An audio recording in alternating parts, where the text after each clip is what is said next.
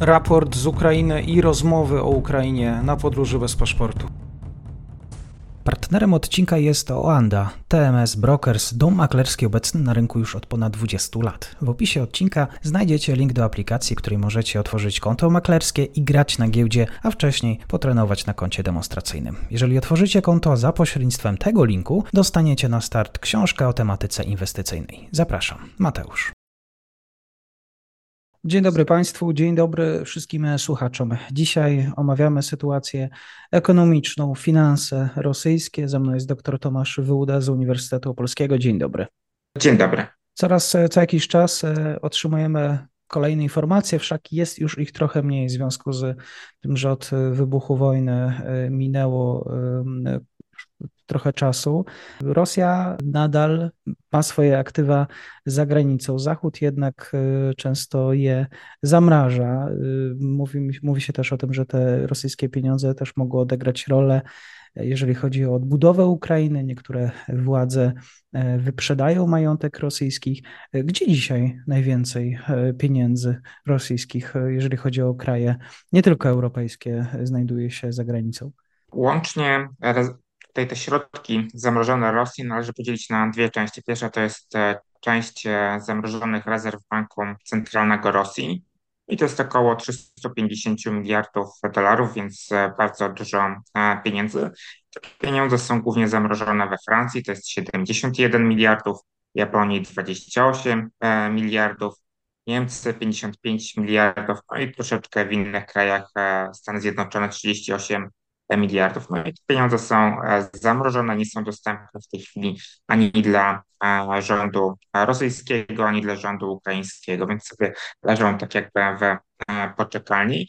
Natomiast jest też druga kwota, około 30 miliardów, to są aktywa zamrożone oligarchów rosyjskich w różnych krajach, jak się mniej więcej to szacuje, że to są jakieś konta bankowe, jakieś nieruchomości, to jest znacznie mniejsza kwota, to jest e, też około 30 e, miliardów e, dolarów. Jest problem z uruchomieniem tych pieniędzy. Mm, pierwszy problem no to jest głównie natury prawnej. Nie ma takiego prawa międzynarodowego, które pozwalałoby w tej chwili ruszyć te 350 miliardów.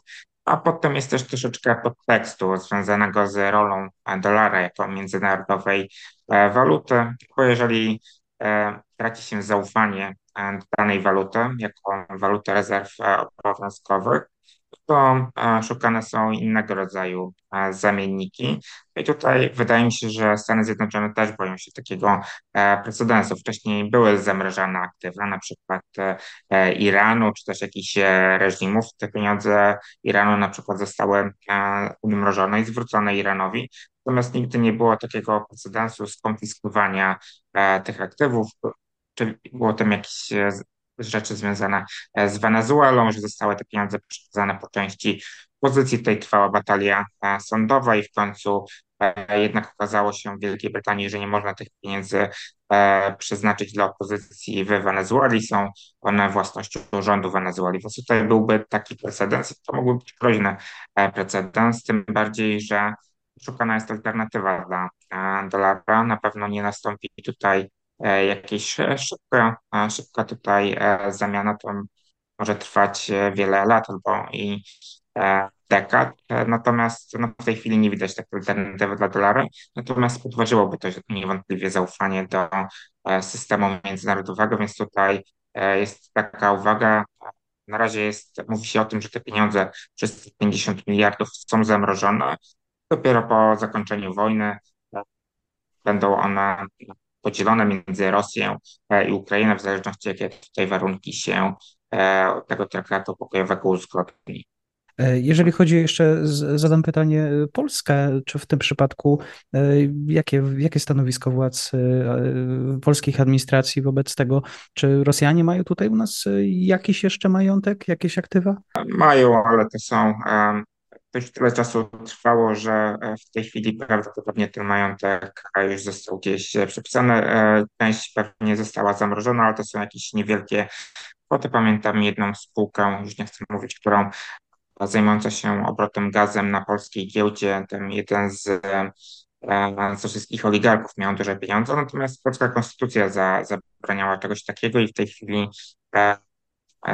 próbuje się przeforsować zmianę tej konstytucji, żeby można było odebrać te aktywa w Polsce. Natomiast tak naprawdę to jest tylko powiedzmy to próba jakiegoś nadania kontekstu, ukrycia prawdziwego, prawdziwych powodów zmiany tej konstytucji w Polsce, bo tutaj chodzi o zwiększenie e, deficytu, żeby obejść ten limit 60% e, zadłużenia do e, PKB, bo w tej chwili rząd polski nie może zadłużać się ponad ten limit, przynajmniej teoretycznie.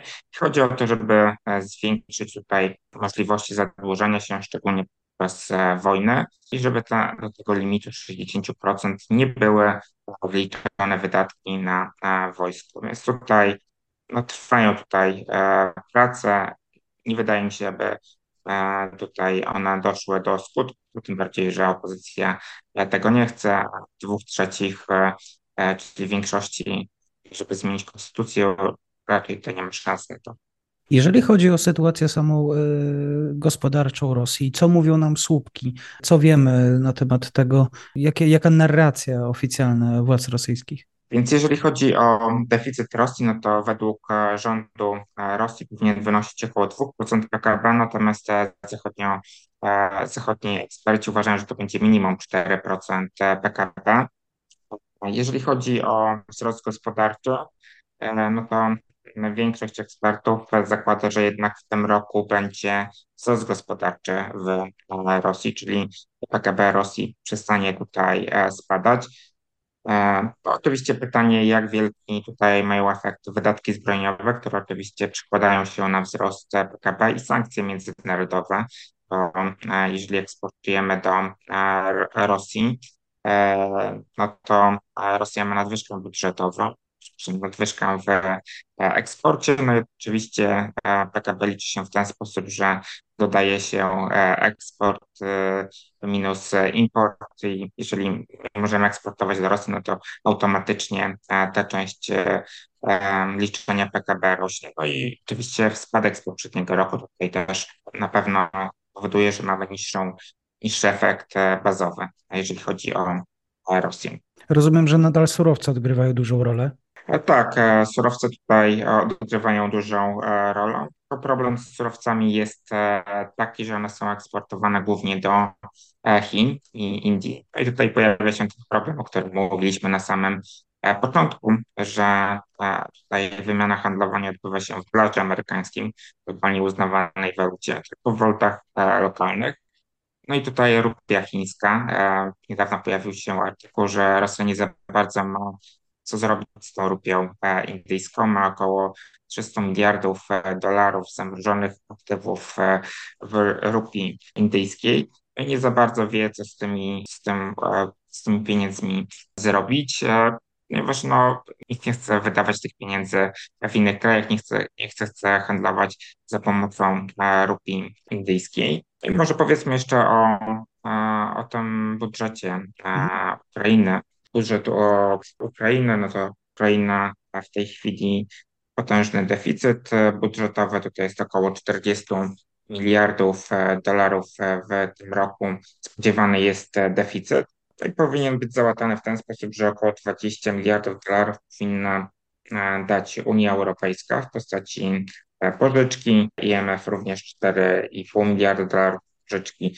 No i 6,7 miliarda dolarów to Ukraina spodziewa się, że e, wyemituje obligacje no już na wewnętrznym rynku czy na zewnętrznym rynku samodzielnie i nie będzie tutaj korzystać z jakichś specjalnych e, programów, a reszta to jest e, inne źródła granty. Warto też powiedzieć o tym, że duża część z tych pożyczek z Unii Europejskiej to są właśnie w postaci pożyczki, ale one są nisko oprocentowane albo w ogóle nie oprocentowane, czyli na 0%. Natomiast Stany Zjednoczone wspierają Ukrainę już nie za pomocą pożyczek, ale za pomocą bezpośrednich e, grantów. Więc e, często tutaj są podawane kwoty, wsparcie dla Ukrainy i tak dalej, ale należy wspomnieć o tym, że wsparcie wsparciowi nie, nie jest równe. Niektóre są w postaci pożyczki, które trzeba będzie spłacać, natomiast niektóre są w postaci grantów. No i tutaj Stany Zjednoczone przewodzą jeżeli chodzi o granty. Zastanawiające jest to, czy właściwie jaka jest sytuacja finansowa Ukrainy. Niektórzy też mówią o tym, że no, rzeczywiście Kijów finansowo, y, mówiąc kolokwialnie, ledwo zipie, że Ukraina ledwo stoi na nogach, jednak koszty wojny są zbyt duże dzisiaj. Zgadza się. E, tutaj Stany Zjednoczone prawdopodobnie będą dalej tutaj e, wspierać Ukraina potrzebuje załatać tę dziurę, potrzebuje około 3 miliardów e, dolarów e, na pożyczkach. Na ten rok finansowanie raczej powinno, być może zostanie uruchomiony jakiś Act, tak jak miało miejsce w e, Stanach Zjednoczonych, dla Wielkiej Brytanii. Przypomnijmy, że ten Land-Lease Act na dzisiejsze pieniądze pożyczki do Wielkiej Brytanii to było około 650 miliardów dolarów, więc znacznie więcej niż w tej chwili Stany Zjednoczone pomogły e, Ukrainie. E, no i część z tego sprzętu po wojnie wróciła do Stanów Zjednoczonych, więc być może w ten sposób zostanie część tej pożyczki spłacona. Część pożyczki została rozbita na 50 lat i Wielka Brytania właściwie w 2006 roku ostatnią pożyczkę spłaciła w związku z II wojną światową. No i tutaj Wielka Brytania musiała pójść na część ustępstw musiała oddać część pas Stanom Zjednoczonych, część leasingowała, to była tak zwana leasing za, za statki, więc Stany Zjednoczone dały statki Wielkiej Brytanii, natomiast e, Wielka Brytania oddała w leasing na 99 lat niektóre bazy wojskowe e, na posiadłościach e, brytyjskich. Wydaje mi się, że tutaj też mogłoby to podobnie funkcjonować, że Stany Zjednoczone pożyczą część sprzętu, który będzie chciał odzyskać po wojnie. Pytanie, ile tego sprzętu uda się odzyskać, jak to będzie wyglądać. Natomiast w razie chyba najważniejsze jest zapewnienie tej płynności Ukrainie później ewentualnie zastanawiać się, jak ta pożyczka będzie spłacona, bo nie wydaje mi się, żeby Ukraina była w stanie te, te pożyczki spłacić e, w przyszłości. Tak jest. Bardzo dziękuję za dzisiejszy komentarz. Doktor Tomasz Wyłuda, kłaniam się. Do usłyszenia. Dziękuję bardzo. Do usłyszenia.